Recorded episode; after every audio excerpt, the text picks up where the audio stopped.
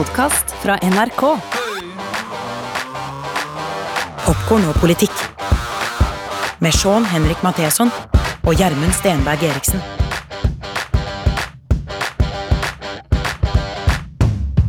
Ok.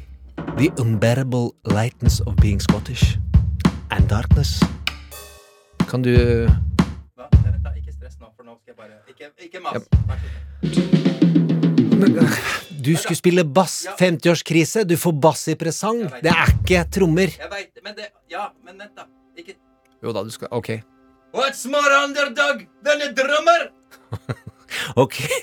Men kan du først ta den sk- skotske teksten om kjærlighet? Ja, vent litt. da. Skal vi se. Ok, Find your inner Scottish. Will. And when Ja. Der. Whenever I get gloomy with the state of the world, I think about the arrival gate at Edinburgh Airport. General opinion starting to make out that we live in a world of hatred and greed. But I don't see that. It seems to me that love is everywhere. Often, it's not particularly dignified or newsworthy, but it's always there. Fathers and sons, mothers and daughters, husbands and wives, boyfriends, girlfriends, old friends. When the planes hit the Twin Towers, as far as I know, none of the phone calls from the people on board were messages of hate or revenge. They were all messages of love. If you look for it, I've got a sneaky feeling that you'll find that love actually is all around. Ja, eh, da skal du synge. Kan du, kan du stille mikken hennes, Silje? Ja. Ok. Ikke ikke vær nervøs. I don't want a lot for Christmas. There's just one thing I need. Oh, Å, I don't care hun kan synge. about the presents underneath the Christmas tree. She's a Scottish singing lassie. I just want you for my own, more than you could ever know. Make my wish come true.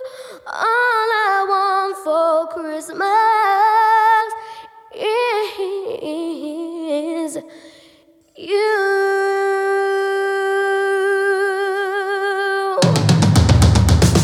Don't For vi har en Christmas Love Scottish Special. Hei! Nei, that's very true. Hey. Da kan du gå, søstera til Silje. oh, eh, jo, velkommen til Popkorn og politikks skotske juleavslutning. Gjermund Stenberg Eriksen sitter klar i kilt og blankpussa sølv.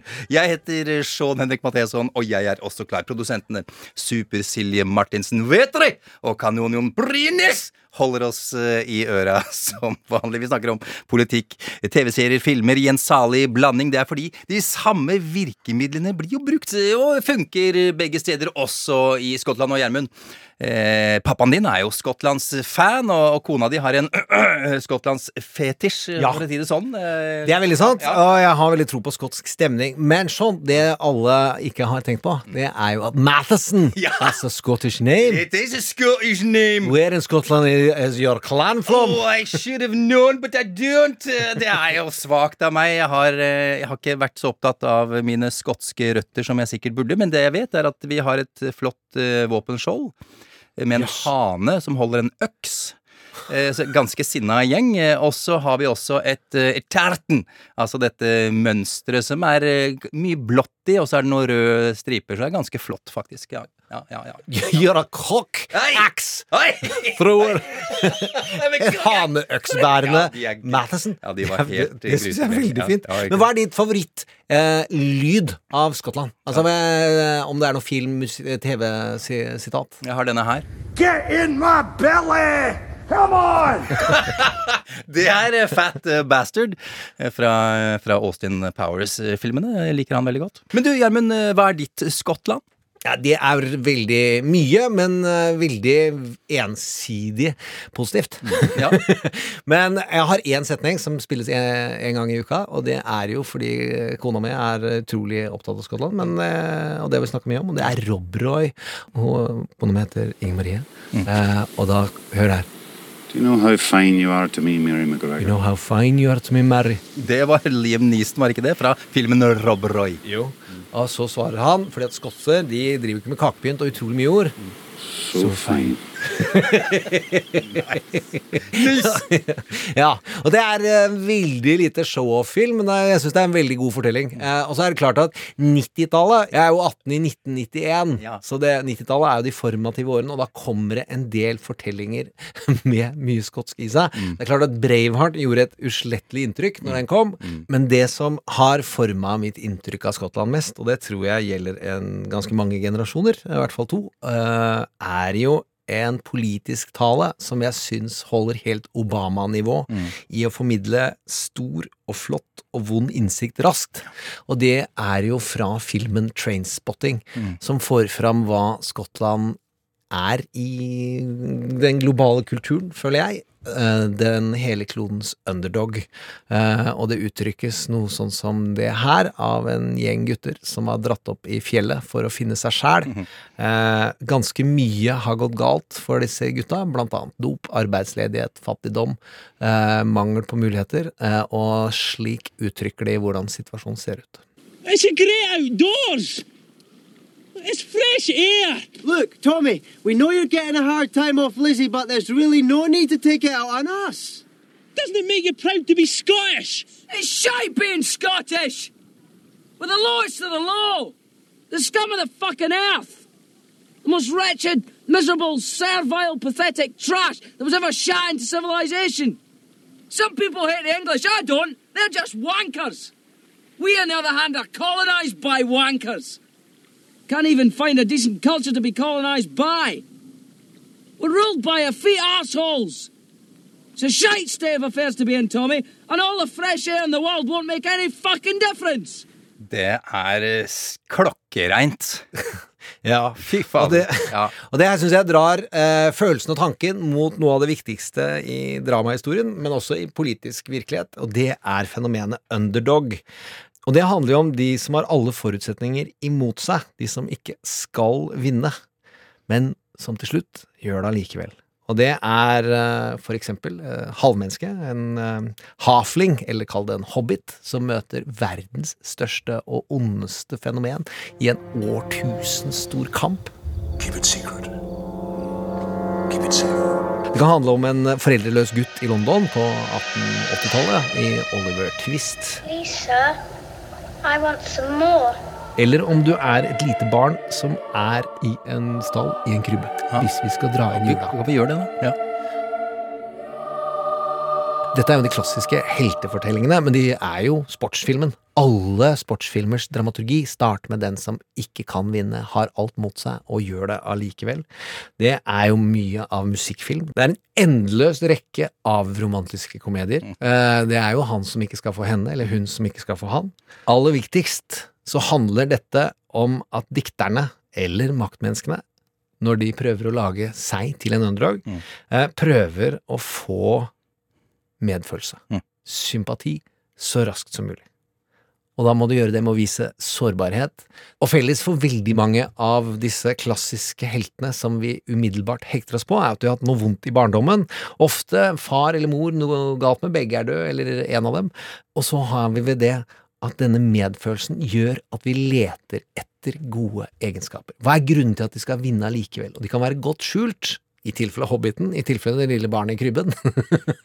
Men eh, du skjønner allikevel. Eller om du bor under trappa til dine slemme onkler og tante.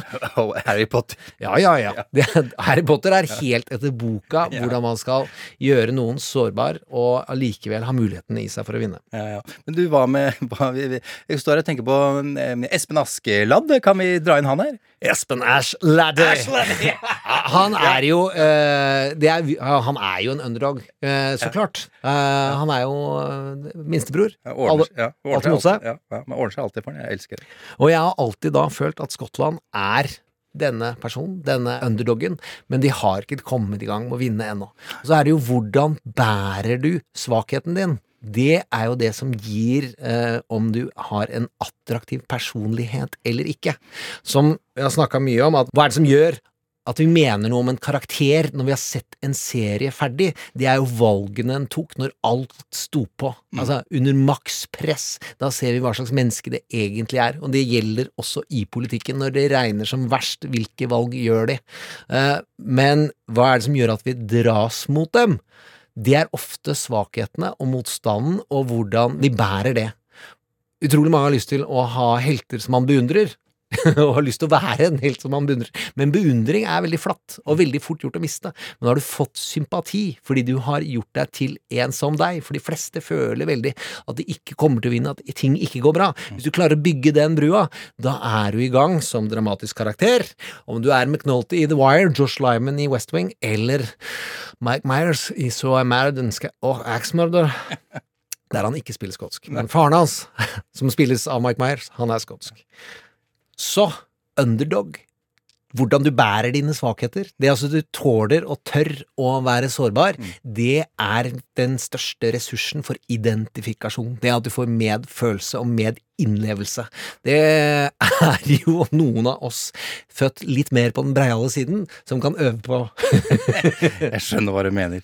Ja, det er jo ikke noe tvil. Vi skal til eh, Skottland eh, i dag, eh, og vi skal snakke om hvordan ståa er der, med journalist og kommentator i VG Yngve Kvistad.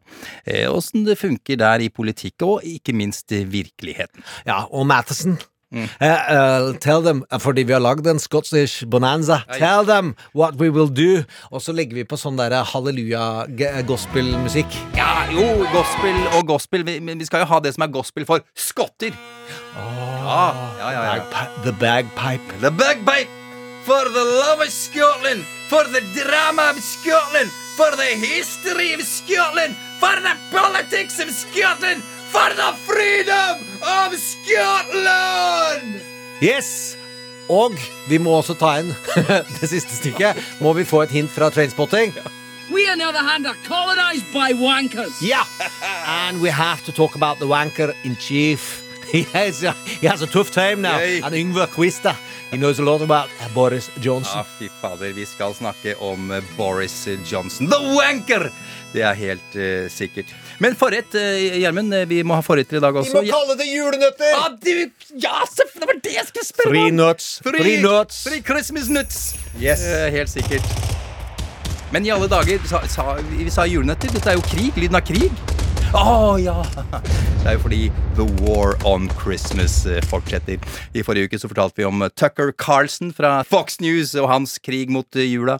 I, nå skal vi til hans eh, favorittland. Han besøkte jo det i sommer og syntes at eh, Ungarn er det fineste stedet på, på jorda, fordi der lever de under en autoritær leder som hater kvinner og ytringsfrihet, som tvinger universitetene til å begå vranglærer, skriver om historien altså for å passe narrativet til det nasjonalistiske, autoritære styret. Himmelen for Tucker Carlson, Gjermund. De hater også homser i Ungarn, kan du tenke deg? Det kan jeg tenke meg, men det er jo ikke. Å, kjære vene. Eh, Ungarns, jeg vil kalle han stortingspresident, har gått løs på Postens julereklame. Vår egen Postens julereklame.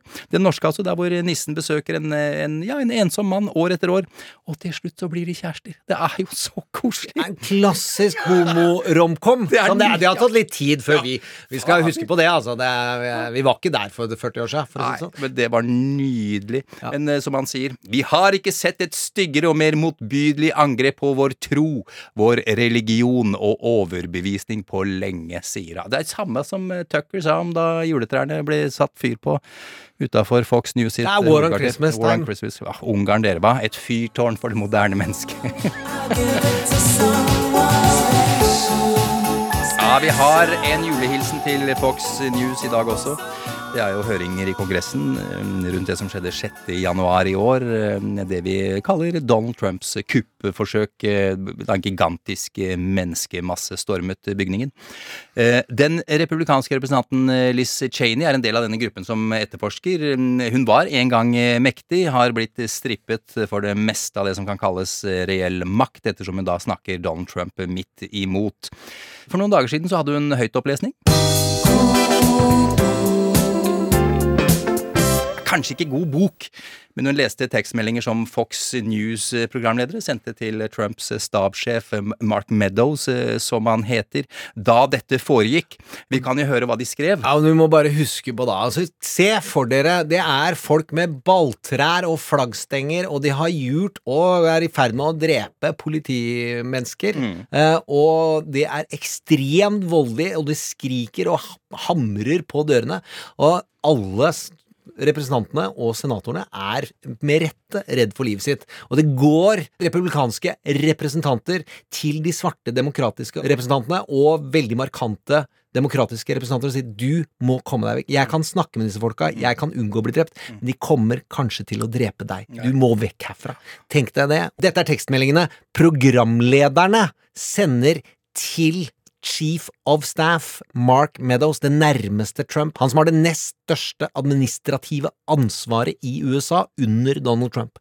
Og så syns jeg vi legger under Love Actually-musikken, som eh, Sean leste til i stad, som skotsk, for å røske litt i følelsene deres. Len litt inn her, folkens, for dette gjør Liz Cheney av kjærlighet til demokratiet. Quote, Mark, the president needs to tell people in the Capitol to go home. This is hurting all of us. He is destroying his legacy, Laura Ingram wrote. Please get him on TV. Destroying everything you have accomplished, Brian Kilmeade texted. Quote, can he make a statement? Ask people to leave the Capitol, Sean Hannity urged. As the violence continued, one of the president's sons texted Mr. Meadows, quote, He's got to condemn this shit ASAP. The Capitol Police tweet is not enough, Donald Trump Jr. texted. Meadows responded, quote, I'm pushing it hard. I agree. Still, President Trump did not immediately act. Ja, og Don Junior, Jr. han eh, sendte jo en haug av meldinger, faktisk. Og til slutt så sa han at nå må vi møtes på det ovale kontor, for dette her går jo helt til helvete. Om faren sin. Om faren sin. Men dette sa de altså, og tenkte på privaten, kan vi jo si. Eh, samtidig, og det er det som er eh, helt vilt her Insane in the membrane. In the membrane, Gjermund. Membrane. Eh, dette sa de på TV mens dette skjedde.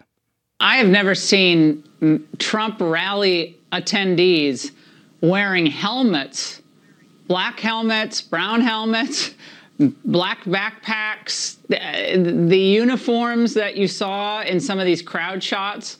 I mean, I've been to a lot of these rallies. I know you you both have covered them. I've never seen that before, ever. Everyone knew going in today that this crowd was going to be massive. They knew there were hundreds of thousands of people that came to town. We also knew that there's always bad actors that will infiltrate large crowds. Dette her er jo til å kaste opp av, hjermen, fordi det sier jo eh, veldig mye om Spillet. Altså hvordan de spiller noen programledere som mener noe.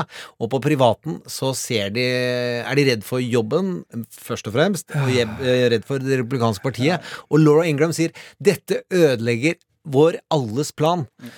Jeg mener jo at eh, det faktabaserte medieverden i Norge må slutte å kalle Fox News en nyhetskanal, og de må si propagandamaskinen. Eh, Det mener jeg er den objektive beskrivelsen av det raklet der! Men tenk at de har samvittighet til å lyve for et helt uh, folk. eh, Det Ja, det har de hatt lenge. eh, Det, men det er ikke Men til mens- å tro. Ja, mens- mens for, Jeg vet det, men det er bare helt grusomt. Men du, uh, kjapt før vi går videre her, uh, tilbake til Liz Cheney, som sa sitter i denne kommisjonen som skal undersøke hva som skjedde. Hun har også lansert eh, enda en måte som de skal forsøke å eh, få has på, på Donald på, Gjermund. Fortell litt om det.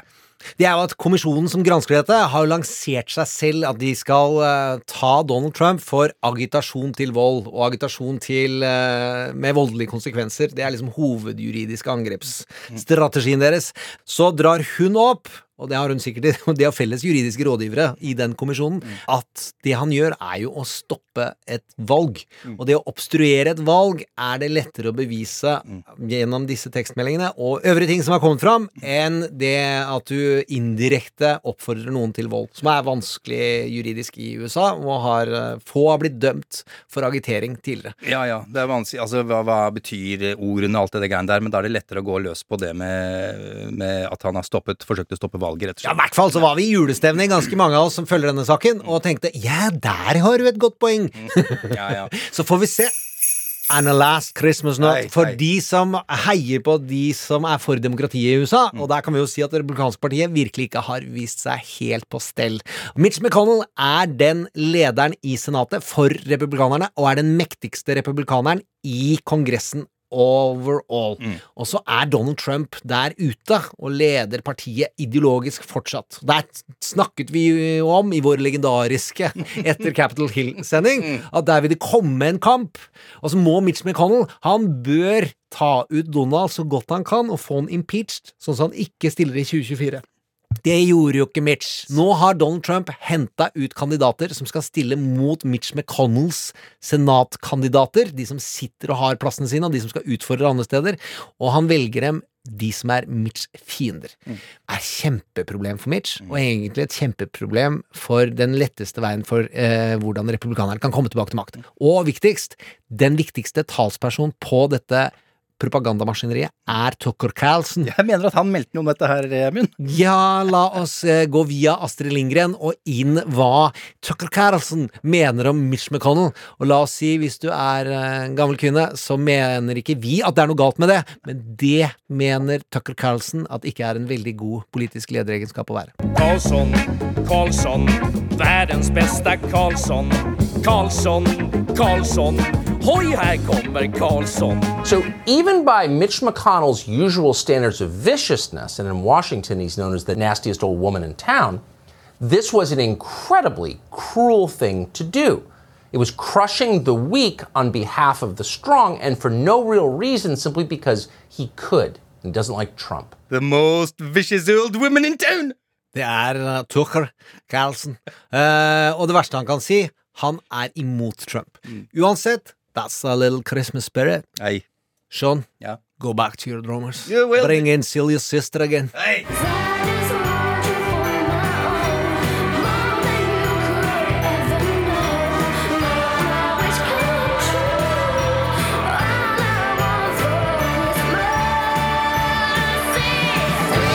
Oh, freedom!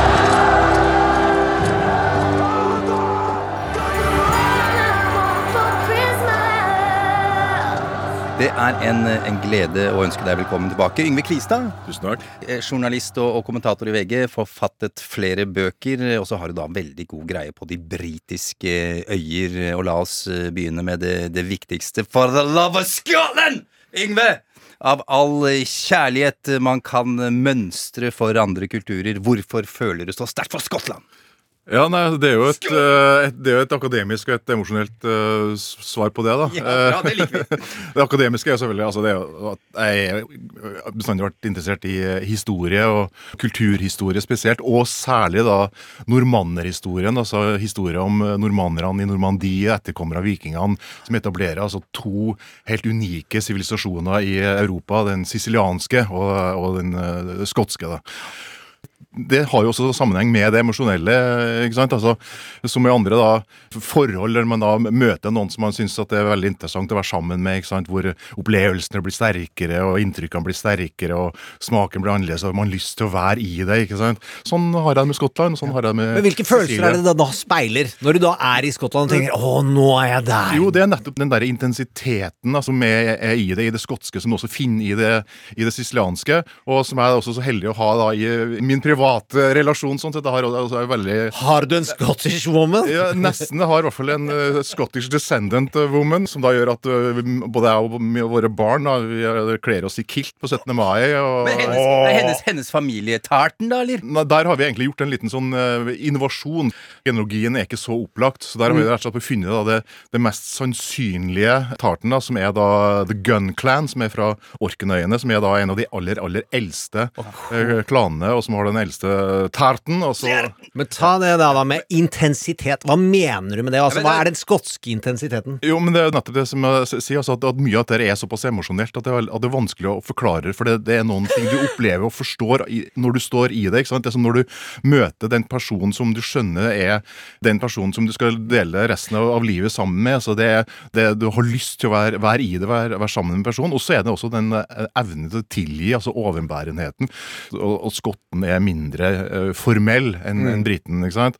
Kan si at, at Karikaturen av det britiske er jo liksom at det, glir over i, i arroganse. ikke sant? Stiff overlip og sånt. Og, og der er skottene sånn mer, mer og Mer selv- ja, også mer selvbevisst på veldig mange måter. ikke sant? Et element av det er jo da og- og også den, eh, altså elementet av underdog-følelse, som Mm. eh, også er knytta til Skottland. Hvor sterk er den følelsen? Vi har snakka om det i dag, Gjermund. Ja, men Ja, hvor sterk Dette er hovedlinja den? hovedlinja gjennom episoden Underdog-følelsen Ja. i Skottland, som er grunnen til at jeg føler derfor elsker jeg Skottland mer enn alle andre kulturer. Det er verdens underdog.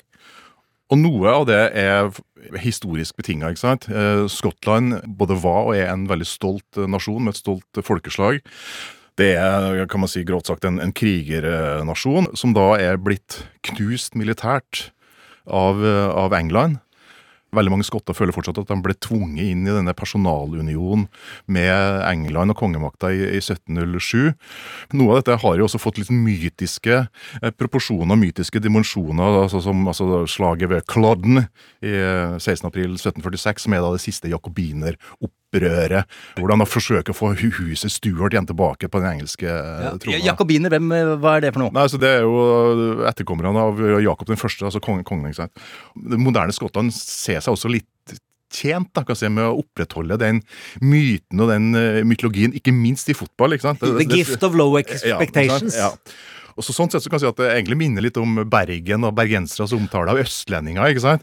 Altså Bergen mista hovedstaden, de mista kongesetet, og, og nå er Brann rykka ned, og Østlandet og Oslo får all Der vil jeg mye, sånn. inn hvis det er Og så- lov å ha Jo, men, uenighet. jo, men, altså, men, men greia er liksom at, at det, det også gis inntrykk av at, at bergenseren er en slags sånn underdog-greie. Men, men ærlig talt, hvor mange av oss er det som opplever en bergenser som en sann underdog? Nei, det er du helt enig i, Det- det- Det- underdog- så- sånn det, det, er, det er en sånn, det er en sånn det en mytologi som fremkalles i bestemte øyeblikk. Da. Mitt syn på en attraktiv underdog er jo nettopp hvordan bærer du evnen din ved at alle tror du ikke kan vinne. Mm. Og Bergen, dere bærer det ikke godt.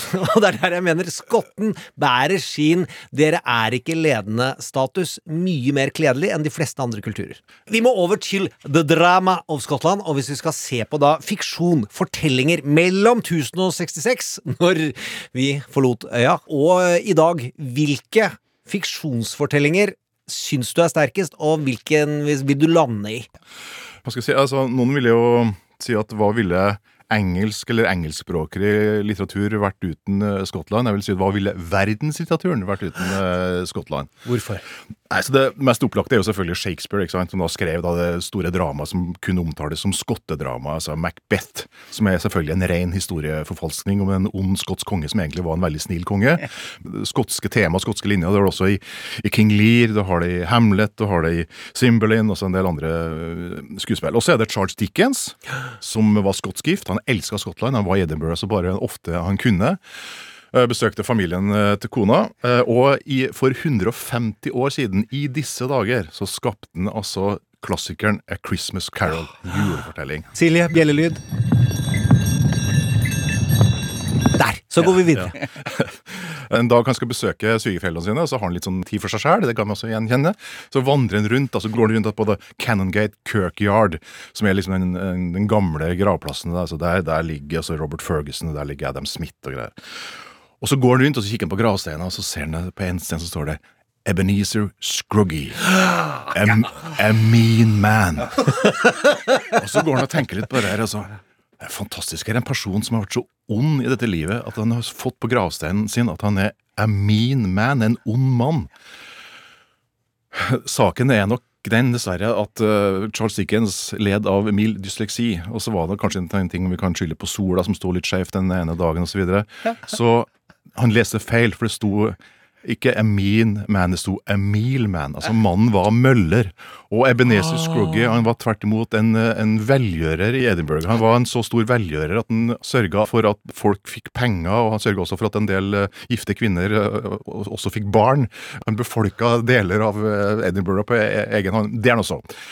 Og hvor vil du lande hen? Det er jo helt fantastisk. Altså, hvem, er den, altså, hvem vil du da? Nå er vi opp, gått oppover stigen. Vi har begynt med Shakespeare, så er vi på Dickens.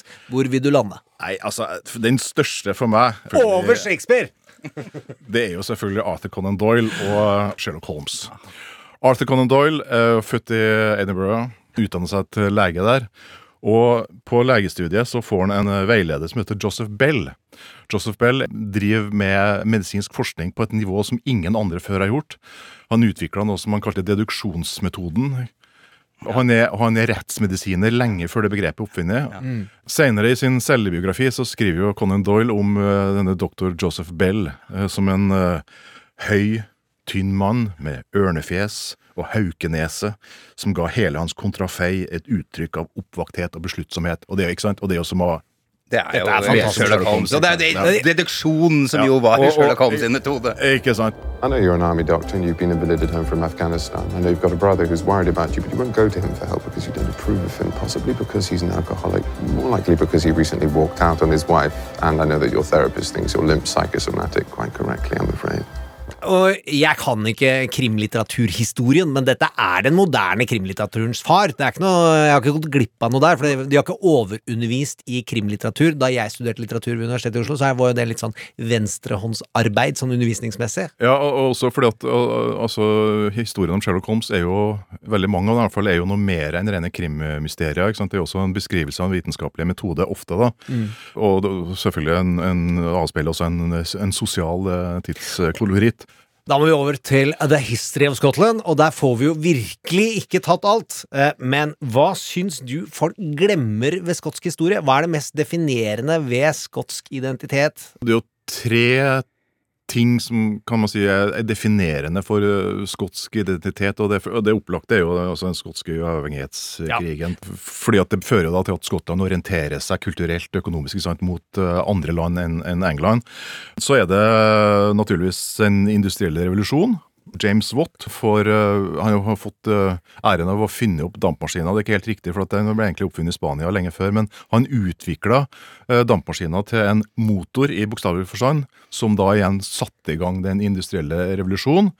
Men det viktigste, og det som veldig mange glemmer, og som veldig mange dessverre heller ikke kjenner til, det er jo den skotske opplysningstida på 1700-tallet, som gjorde altså at Europas kanskje mest tilbakestående nasjon i 1750 var den nasjonen i Europa som hadde det, den befolkningen med høyest andel lese- og skrevekyndige. Og da hadde de også innført skoleplikt og alminnelig folkeskole, og det hadde filosofene og Fremragende, fremoverlente filosofer som står igjen i filosofihistorien, ikke sant? Ja. Så liksom, sånn, alt det der henger jo, henger jo sammen, da, og det er, er veldig viktig, fordi at eh, Skottland på denne tida blir jo da et fyrtårn, et, eh, et åndelig eh, og intellektuelt fyrtårn i, eh, i Europa.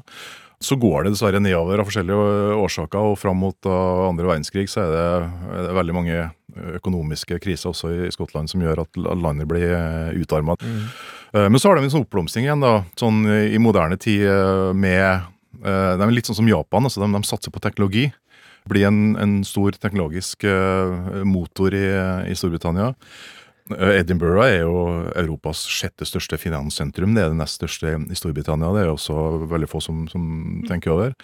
Og så fikk jo da selvfølgelig olje og gass, som gjør at de er, føler seg veldig sånn som Norge. De, de har en stor rikdom knytta til det, rett utenfor sin egen kyst. Og fiske, naturligvis. Får de lov til å forvalte den eh, oljen, og de ressursene selv, Ingrid? Ja, I stor grad så gjør de jo det, men selvfølgelig overskuddet og, og sånn, det går jo til de store selskapene. og de har jo, altså Det er en del som har, har kontor i, i Aberdeen og noen i Edinburgh, men uh, mange, uh, mange internasjonale oljeselskap har jo adresse enten London eller også i Nederland. Men noe sånn oljefond og sånn eh, er det ikke snakk om? Nei, fordi at de er jo underlagt britisk økonomi. Selv om de har et selvstendig parlament og noenlunde selvstendig økonomi, så er liksom skal pengene først inn til London, og så skal de deles ut igjen.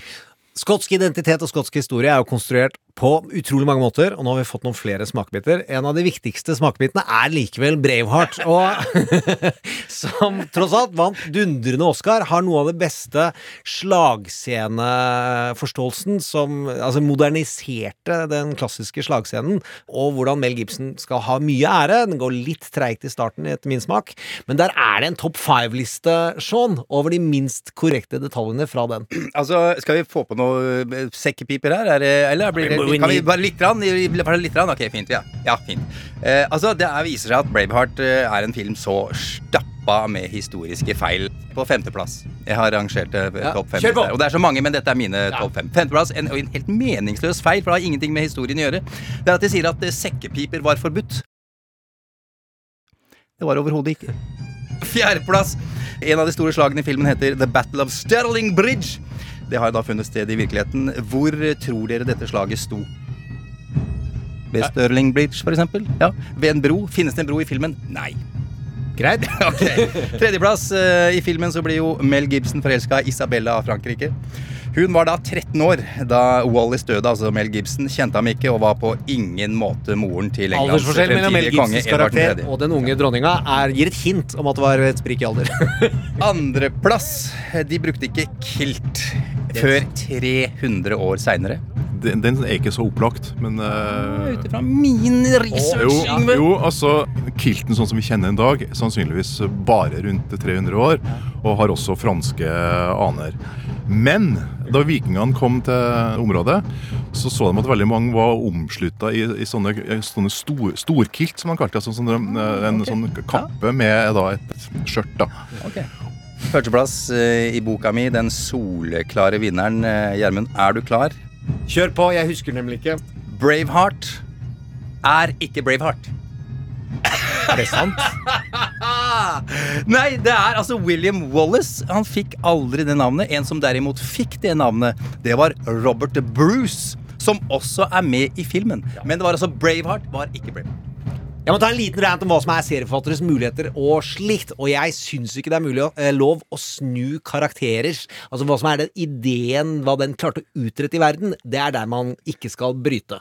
Og Braveheart ligger ganske langt tilbake i historien, så det er ikke så veldig store konsekvenser for nålevende forståelse av moderne historie, men at eh, vi nordmenn med vårt kongehus redda andre verdenskrig, det er på ikke-faktalista. Vi må gå videre, og vi kan gå til hvordan dette henger sammen, fordi Jeg kan bare si som et malapropos her, da. Ja. Eh, Hvor har vi sett dette her? Jo, vi har sett det på fjernsynet. I 1925 så var det en skotte som heter John Logie Baird, som oppfant en maskin som, som viste levende bilder. What? De fant opp TV-en også? Yes! Og i 1928 så sendes altså det første transatlantiske TV-signalet fra London til New York av John Logie Baird. Fun fact! Det er så fun fact. Det liker vi. USA og England sier at de har a special relationship, og det sier jo egentlig om UK, da. Men hva er the special relationship mellom Skottland og Norge? Det opplagte er jo at vi er i slekt, da. Altså Frivillige? Eh, nei, det kan vel diskuteres, men eh, altså i 795 så er jo det første angrepet på Skottland av, av norske vikinger. Fortsatt så er jo altså 60% av DNA-materialet på Orknøyene er jo av norrøn opprinnelse. På 900-tallet så er jo områdene som i dag eh, defineres som Skottland, en del av det norske jarledømmet på Orknøyene. Så det er jo da i prinsippet norsk. I 1097 så hadde Magnus Bergfødt eh, overherredømme på øyene, eh, men han egentlig lot den da lokale høvdinger og sånt få lov til å ha utprega selvstyre. da. Det førte selvfølgelig til at de ga egentlig etter hvert blaffen i norske kongemakta. Så når de skulle komme tilbake igjen, da, for å statuere eksempel, så kom jo da den aldrende Håkon Håkonsson og ble jo slått ned i støvlene, så han trakk seg tilbake til Orknøyene. Der ble han jo sjuk, eh, og så døde han, da. 1263, det vel, da er det jo åpen strid altså, mellom Norge og, og, og Skottland. Sønnen Magnus Lagabøte drar til Skottland i 1266. Skriver under den såkalte Perth-traktaten, der han i prinsippet da gir overherredømmet tilbake til, til Skottland. Men så, noen år seinere, så eh, er det skotske kongehuset i ferd med å dø ut. Og da ble det laga en sånn masterplan, altså hvor da Margrethe, tre år, datter av Erik 2. Magnusson, og en eh, skotsk eh, kongsdatter, Ja. Hun skal da gifte seg med den engelske kong Edvard den førstes sønn, og på den måten skal de altså starte en stor dynastisk union mellom Norge, Skottland og England. Men så dør kong Alexander av Skottland i en banal rideulykke. Da er Margrethe eh, i Norge på besøk hos familien sin der. Da er hun sju år. Så må hun dra umiddelbart tilbake til Skottland, fordi dronning bringer familien og blodslinja videre. Men hun blir da sjuk under overfarten, dør. Og med henne dør også da eh, den eh, skots-norske blodlinja i kongehuset Ja, borte. Og dette er da starten på den skotske uavhengighetskrigen. 1286. 1286. Da har vi den, folkens, og det er vel sånn cirka rundt da Snorre dreiv og skreiv. Så det har vart en stund. Drømmen om uavhengighet.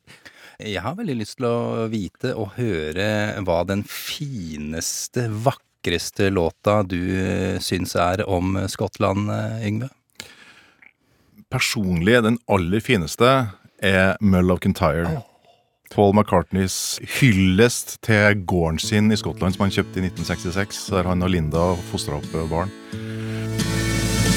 My Molokintai.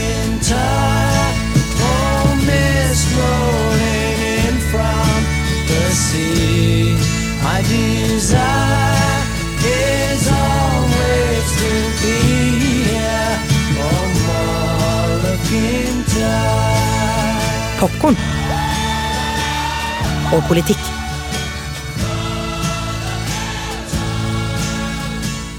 Når den låta kommer fram til det innslaget av den sekkepipa, altså da får jeg sånne frysninger ned ryggen. Å gud, det det er for lenge siden jeg har hørt den låta, Yngve. Takk skal du ha. Nå har vi gått lenge nok rundt den blå-hvit ansiktsmalte elefanten i rommet. La oss høre. Det jeg ble fortalt, var en altfor stygg og kortvokst person til å kunne spille William Wallace. Når jeg var på omvisning på Edinburgh Castle, så sa han det er Brevard, good movie, what an ugly fuck, we got to play that character. He was way taller and way more beautiful. Uansett, hør her. Oh, freedom! Ja, både, både Gjermund og Yngve fikk tårer i øya her nå. Det var vakkert å se. Jeg vil ikke snakke med Breivart. Jeg syns det er en utrolig god fortelling. Eh, De historiske greiene, det klarer jeg å leve med. eh, Men hva helt praktisk må skje for at Skottland skal bli uavhengig? Eh, For det første så må da det skotske parlamentet eh, ta en beslutning om at det skal avholdes en eh, folkeas, ny folkeavstemning. Så må de strengt tatt også få lov da, fra sentralmyndighetene i, i London, Westminster, til å avholde den uh, folkeavstemninga. Kan de godkjennes av regjeringen eller i parlamentet Ja, i altså, England? Dette er jo juristmat, da. I Skottland så er det veldig mange som viser til den personalunionen av 1707. altså Det er en frivillig union. Skottland gikk frivillig inn i den unionen, og Skottland kan også frivillig trekke seg ut av den. Det er jeg nok ikke helt enig i eh, i, i London. De hadde jo en, en folkeavstemning i 2014. Der 55% av, av skottene sa nei til uavhengighet. 45 sa- stemte ja. Og Boris Johnson har sagt at eh, det var deres avstemning. Nå blir det ikke flere, for nå har de sagt noen ting i sin generasjon. Men det var jo helt andre forutsetninger. For at den gangen så var det jo et poeng, da. Det ble brukt som et argument at England var medlem av EU, og hvis Skottland ikke var med i den britiske union, så kunne de heller ikke være med i den europeiske union. Og EU-tilknytninga E- og EU-sympatien i Skottland er veldig sterk. I Edinburgh stemte jo 80% mot brexit. Mm. Eh, over 60% på landsbasis. Sånn at eh, de er jo veld, de er veldig pro EU, da. Vi tar ikke de praktiske sidene ved partipolitikken i Skottland, men det ledes jo av SNP, Scottish Nationalist Party. Det har en kvinnelig leder som har vært lenge i det partiet. Fantastisk sjarmerende dame for øvrig. Er hun det? Ja, hun er du ser litt streng ut på bilder. Ja, men jeg har møtt henne et par ganger, og hun er en, en intellektuell, oppegående, smart dame. Sturgeon, ja. nesten det samme som Støre, forresten. En liten fun fact, det òg. Ja. Nicola Sturgeon. ja. Og, Altså, og, og forrige het Alex Salmond. Hvor? Nice! Fisketema. Jøss! Yes. Men hva er de kreftene som drar for at det skal bli uavhengighet, og hva er de kreftene som holder igjen? Det er ikke bare SNP som ønsker uavhengighet. Er denne uavhengighetsjobben bare i deres parti, eller er det spredd over Nei. de fire? Den er, om ikke jevnt fordelt, så er den, er den finnes den i, i, i alle partier. Faktisk, rett før vi gikk i studio her nå, så så jeg den siste meningsmålinga på Poll og Polls i, i eh, Skottland. Og nå er det altså 55% som ønsker uavhengighet, og 45 mot. Så det er det motsatte resultatet i folkeavstemninga. Og det, det er interessant. Nå er, varierer det her litt, men jeg tror at det har fått en boost nå pga. alle de problemene i, i England. da, Mm. Med Boris Johnson og hans trøblete forvaltning av sitt lederskap. For at Boris Johnson er jo en gave til skotske nasjonalister. ikke sant? Altså Hver gang han, han åpner munnen eller sier noe om Skottland, så, så øker jo tilslutninga til SNP. Hvis det hadde vært en annen statsminister i Downing Street enn Boris Johnson, hadde ikke skottene vært så opptatt av dette. For, de, for de, de har også sett at de har nå fått uavhengighet, eh, eller selvstyre, stor grad av selvstyre via skotske parlamentet. Og så lenge de får styre seg sjøl, så er det ikke noe problem. altså Så lenge de får opprettholde skotsk identitet og alt de greiene der. Hvor langt unna er vi en reell kamp for å bryte med, med England? Der er jo jeg veddemål, så Ja, altså, altså, du skal få vedde på så- når er det det skjer, hvis det skjer. Altså Sturgeon sa jo at uh, først skulle de legge fram en plan for uh, skotsk folkeavstemning. Det har jeg gjort. Så har jeg sagt det at uh, den avstemninga vil skje i første del av den nye parlamentsperioden. Den starta nå i vår. Sånn at innen to år så, Nå har jo covid forrykka en del ting, da, men innen to år så tror jeg at det blir en folkeavstemning eh, i, i Skottland. Så det arbeidet tror- er i gang? Ja, og jeg tror at det blir veldig vanskelig for Downing Street med Boris Johnson eller hvilken som helst annen som sitter der, å nekte skottene en uh, folkeavstemning. Altså, Margaret Thatcher skriver i sine memoarer fra uh, 93 at uh, skottene har en utvilsom rett til nasjonal eh, selvbestemmelse. Og dersom de skulle bestemme seg for uavhengighet, så vil ingen engelske partier eller politikere stille seg i veien. Og det, dette er en ganske sterk føring for eh, jeg håper å si, den anstendige delen av det konservative partiet. Den delen som i dag ikke lenger støtter Boris Johnson. Så, så dersom det blir en folkeavstemning, som det kanskje blir, og de bestemmer seg for at vi vil ut av the UK og bli selvstendige, så kommer det til å skje. Jeg tror det. altså Det rådet vil bli så tydelig, så frem til at det blir det, da, at uh, det vil bli veldig vanskelig for Westminster å, å motsette seg det. Og så starter jo da forhandlingene, sånn som man har hatt med EU osv. Veddemålet er hvilken vei tror du den folkeavstemningen går? For ett og et halvt år siden så ville jeg sagt at øh, ja, helt uten tvil, det vil skje en løsrivelse. Så har jo gått litt fram og tilbake i de siste 18 månedene, egentlig. Eh, Både med meningsmålinger, men også at øh, en del skotter har sett at det kan bli vanskelig for, øh, for skottene økonomisk å klare seg sjøl. Nå tror jeg at det har slått andre veien igjen. Forutsatt at Boris Johnson blir sittende i Downing Street, så tror jeg at raseriet mot London og mot Downing Street er såpass sterkt at det vil utløse eh, en eh, folkeavstemning. At det vil eh, skje i ja-favør, og det vil skje i løpet av tre år. Du nevnte et veddemål, Gjermund. Det ligger vel noe i potten her, gjør det ikke det? Jo, for jeg har jo da presang fra pappa til Yngve, siden Yngve er så flink til å reklamere for skotsk kjærlighet. Der står det Highland Park. Ja. Oi, oi, oi. Det er en øyviske, er det ikke det? Det er en Jo, det er en svart boks med sølvskrift på.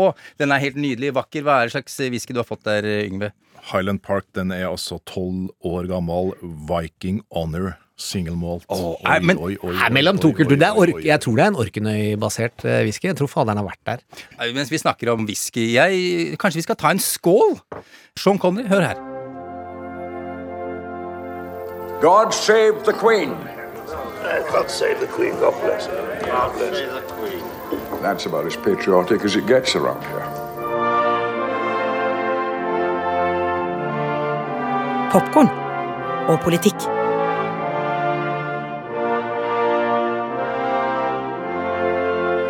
You're probably too young to know, but the Empire is always in some kind of peril. Fantastisk. Men eh, Sean Connery er jo en gigant i Skottland, er han ikke det? Jo, absolutt. absolutt, absolutt. Boris Johnson, Alexander Boris Deep Pfeffel Johnson, han sliter jo mer enn enn noen gang, må vi vel kunne si. Han har aldri vært eh, mindre populær. Eh, Bare nå, var det vel i går, eh, de konservative ble jo knust i et eh, suppleringsvalg til det britiske parlamentet. Korrupsjonstatte Owen Patterson måtte gå av, det er han det har vært mye snakk om i det siste. Og liberaldemokratene vant eh, valgkretsen hans, eh, som de konservative har holdt i 189 år, Yngve. Helen Morgan heter hun som vi kan jo høre her. Tonight, the people of North have spoken on behalf of the British people. They've said loudly and clearly Boris Johnson, the party is over. Your government, run on lies and bluster, will be held accountable. It will be scrutinised, it will be challenged, and it can and will be defeated. Sti stikkordet her er jo 'the party's over'. Party's over. Fortell. Altså Hele årsaken til at hun nå ble valgt, og at det var suppleringsvalg, det var jo fordi at uh, han Owen Patterson, uh, som hun erstatta, uh, ble tatt uh, red-handed for korrupsjon, uh, måtte gå av.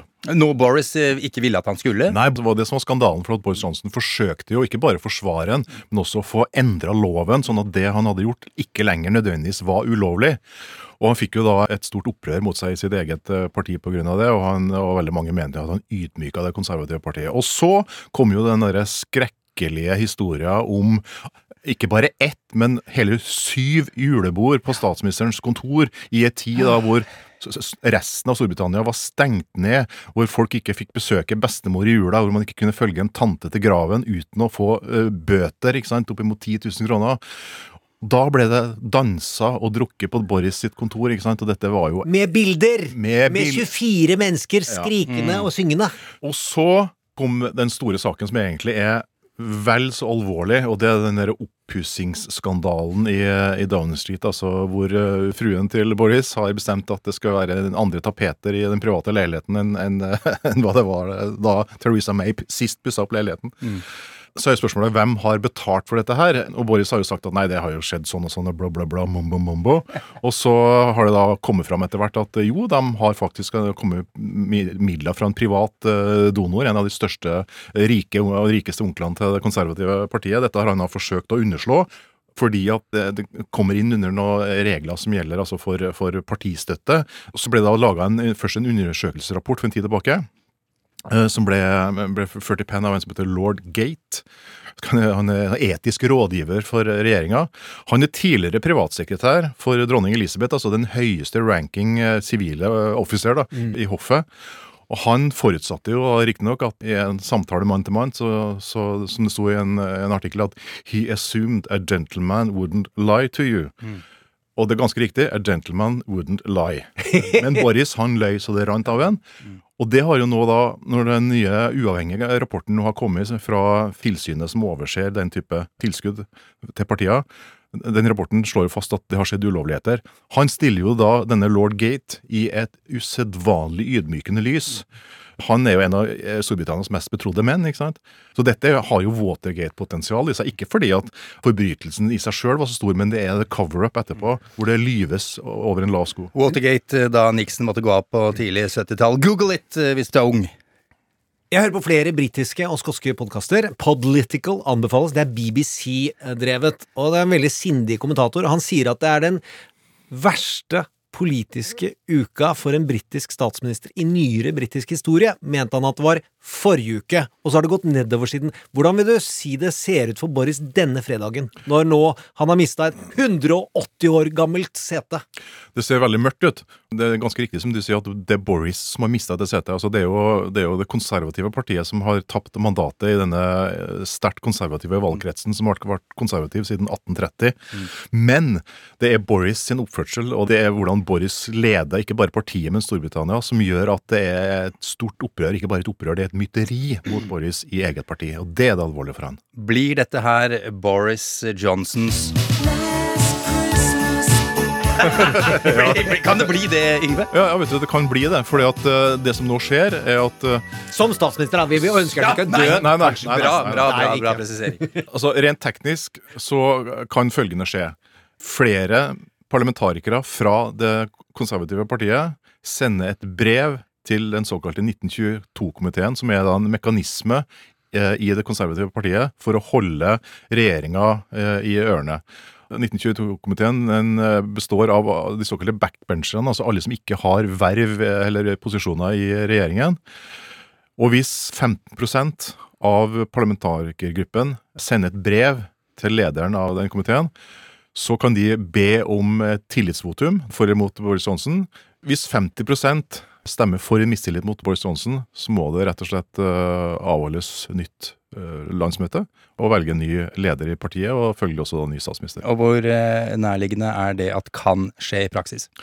Hele lederskapet i komiteen var blant de opprørerne som stemte mot Boris Johnson i det store nederlaget han led i Underhuset denne uka. Yngve, hvilket store nederlag eh, var det? De skulle stemme over nye koronarestriksjoner i, i Storbritannia, og for en gangs skyld så var Boris Johnson på riktig side, kan man si. Altså Han stemte for eh, ganske skarpe restriksjoner. Men 100 parlamentarikere fra det konservative partiet stemte altså mot sin egen statsminister. Han ble redda av Arbeiderpartiet. Han ble redda av Arbeiderpartiet. og Dette er den viktigste saken akkurat nå. og, og Der sier altså 100 av eh, parlamentarikergruppa til Torjepartiet at regjeringen ikke har riktig politikk. Altså Tydeligere kan jo ikke en mistillit artikuleres. Hvis vi skal tenne et lys, sånn avslutningsmessig, kan Boris Johnsons fall være kanarifuglen i den mørke, mørke kullgruva kalt radikal nasjonalisme og høyrepopulisme? Ja, Gjermund, når du sier det sånn. Jeg tror at Boris Johnson øh, Jeg vil heller si det sånn at nå som det ser ut for at Boris Johnson ikke er den personen som gjør det som parlamentarikerne aller helst vil og trenger, og det at han vinner valg for dem, så tror jeg at han sitter øh, at, Hodet hans vil bli servert. At hodet hans vil bli servert på et fat. Der blander vi påskemetaforer og julebudskap, men i Boris Johnson-tilfellet Men Gjermund, det hørtes ut som eh, for meg at du mener at, eh, at du tror at England kan bli til Ungarn. Nei, men at den høyrepopulistiske vinden, den som er antifakta, utnytter en god del polariserende effekter rundt omkring i ulike europeiske land. At Boris Johnson tap er en svekkelse av den bevegelsen, det tenkte jeg kunne være en liten julevarmende eh, sak. Det, det tror jeg er riktig, for at uh, altså den type militant populisme som vi har sett i deler av Europa, altså det, er ikke- det er ikke den formen for populisme vi har i, i Storbritannia. Men Boris Johnson er jo heller ikke populist i den forstand annet enn at han til enhver tid gjør det som passer han best, og det som tror tjener hans interesser best. Uavhengig av om det tjener partiet best. og Det er jo Mm. derfor han har også gjort seg så uspiselig og unyttig for det konservative partiet akkurat nå. Vi får se da om det blir for Boris Johnson. Jeg, jeg klarte ikke dy meg, folkens. Jeg måtte gjøre det en gang til. Men ok, Yngve eh, Kvistad, tusen takk for eh, besøket. Eh, Det har vært som vanlig opplysende. Vi ønsker deg en skikkelig god jul. En skotsk opplysningstid, vil jeg kalle det. Ja, det vil jeg altså. Takk, det samme, gutter.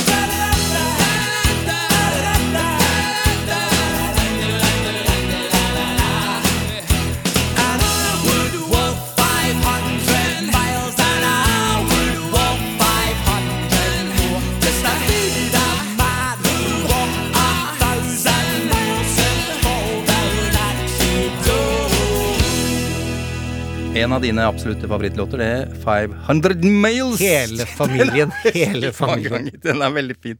Fader, en klassiker der. Men ok, vi har jo noen uh, kaffekopper å dele ut. Ja, ti stykken. Vi sender i en e-post om adressene til vinnerne, og vi tenker på at inni dere kan dere tenke at dere fikk kaffekopp alle sammen. I hvert fall kjærlighetsmessig fra oss. Helt riktig. Eh, Vi skal ønske god jul og godt nyttår nå. Eh, Jeg vil bare si kjapt, eh, kjære deg, prøv å, å legge bort alt som er vanskelig og vondt, for eksempel pandemi. Eh, Fokuser på de du har rundt deg, Legge legg fra deg telefonen, bortsett ifra når du skal facetime og ringe til de du ikke har nær deg.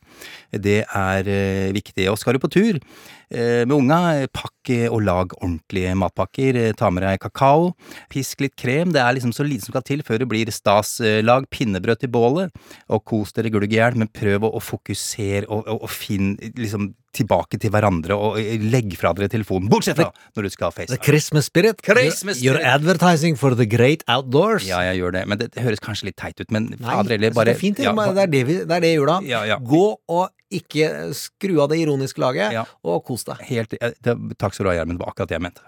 Jeg tenker at 2021 har vært hardt og vondt og mørkt for mange, og verre for de fleste på utsida av Norge enn inni. Men uansett, hvis Skottland er underloggen blant alle land, så har jeg lyst til å sende en julehilsen til et par underlogger til alle tider. Det ene er humoren, og det andre er homoen. En norsk homoreklamefilm for Posten har jo da trigga homohat i altfor store deler av Europa. Hvordan det brukes. Eh, og jeg tenker som så at jeg møtte en homohelt for første gang i filmfortelling i, på 90-tallet. Og det opplevdes som veldig rart. Eh, da, det høres jo utrolig merkelig ut nå, men da var det første gang man eh, så et lykkelig homopar i en romantisk komedie. Og så er det jo noen i ettertid som har kommentert det, at eh, den ene homoen dør jo. Det er fire bryllup og en gravferd. det er så trist. Men den karakteren som begraves, forbindes også veldig med humor. Det var det han var. Og vi skal høre hvordan hans kjære tar avskjed med den. Husk at humoren også er trua. Komikere og satiretegnere får altfor mye motstand, også i vårt land. Vi tåler ikke nok. Dikteren er skotsk, og diktet han leser er skrevet av en annen splendid bogger, ifølge ham selv. Og så handler det om hva som skjer når du mister det du elsker. Eh, Og for meg er eh, det blant annet humoren. Eh, Tenk på det før sangen tar deg opp igjen. Kuleste julelåta jeg veit akkurat nå om dagen. Og den kan være litt homo, og den kan være litt hetero. Backdoor Santa heter den. This is actually what I want to say. Stop all the clocks. Cut off the telephone. Prevent the dog from barking with a juicy bone. Silence the pianos and with muffled drum, bring out the coffin. Let the mourners come. Let the aeroplanes circle moaning overhead, scribbling on the sky the message He is dead. Put crepe bows round the white necks of the public doves. Let traffic policemen wear black cotton gloves. He was my north, my south, my east and west, my working week and my Sunday rest, my noon, my midnight, my talk, my song. I thought that love would last forever. I was wrong.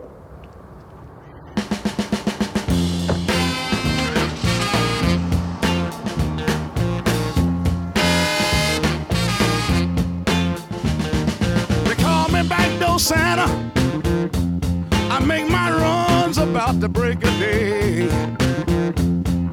They call me backdoor Santa, and I like them to call me that. They call me backdoor Santa. Du har hørt en podkast fra NRK. De nyeste episodene hører du først i appen NRK Radio. Iron brew. Let's see how it is. Ready? Okay, so it's orange. Okay, here we go. This tastes just like a Puerto Rican soda. This is cola champagne. Oh my god. Iron brew. Count me in. I love it.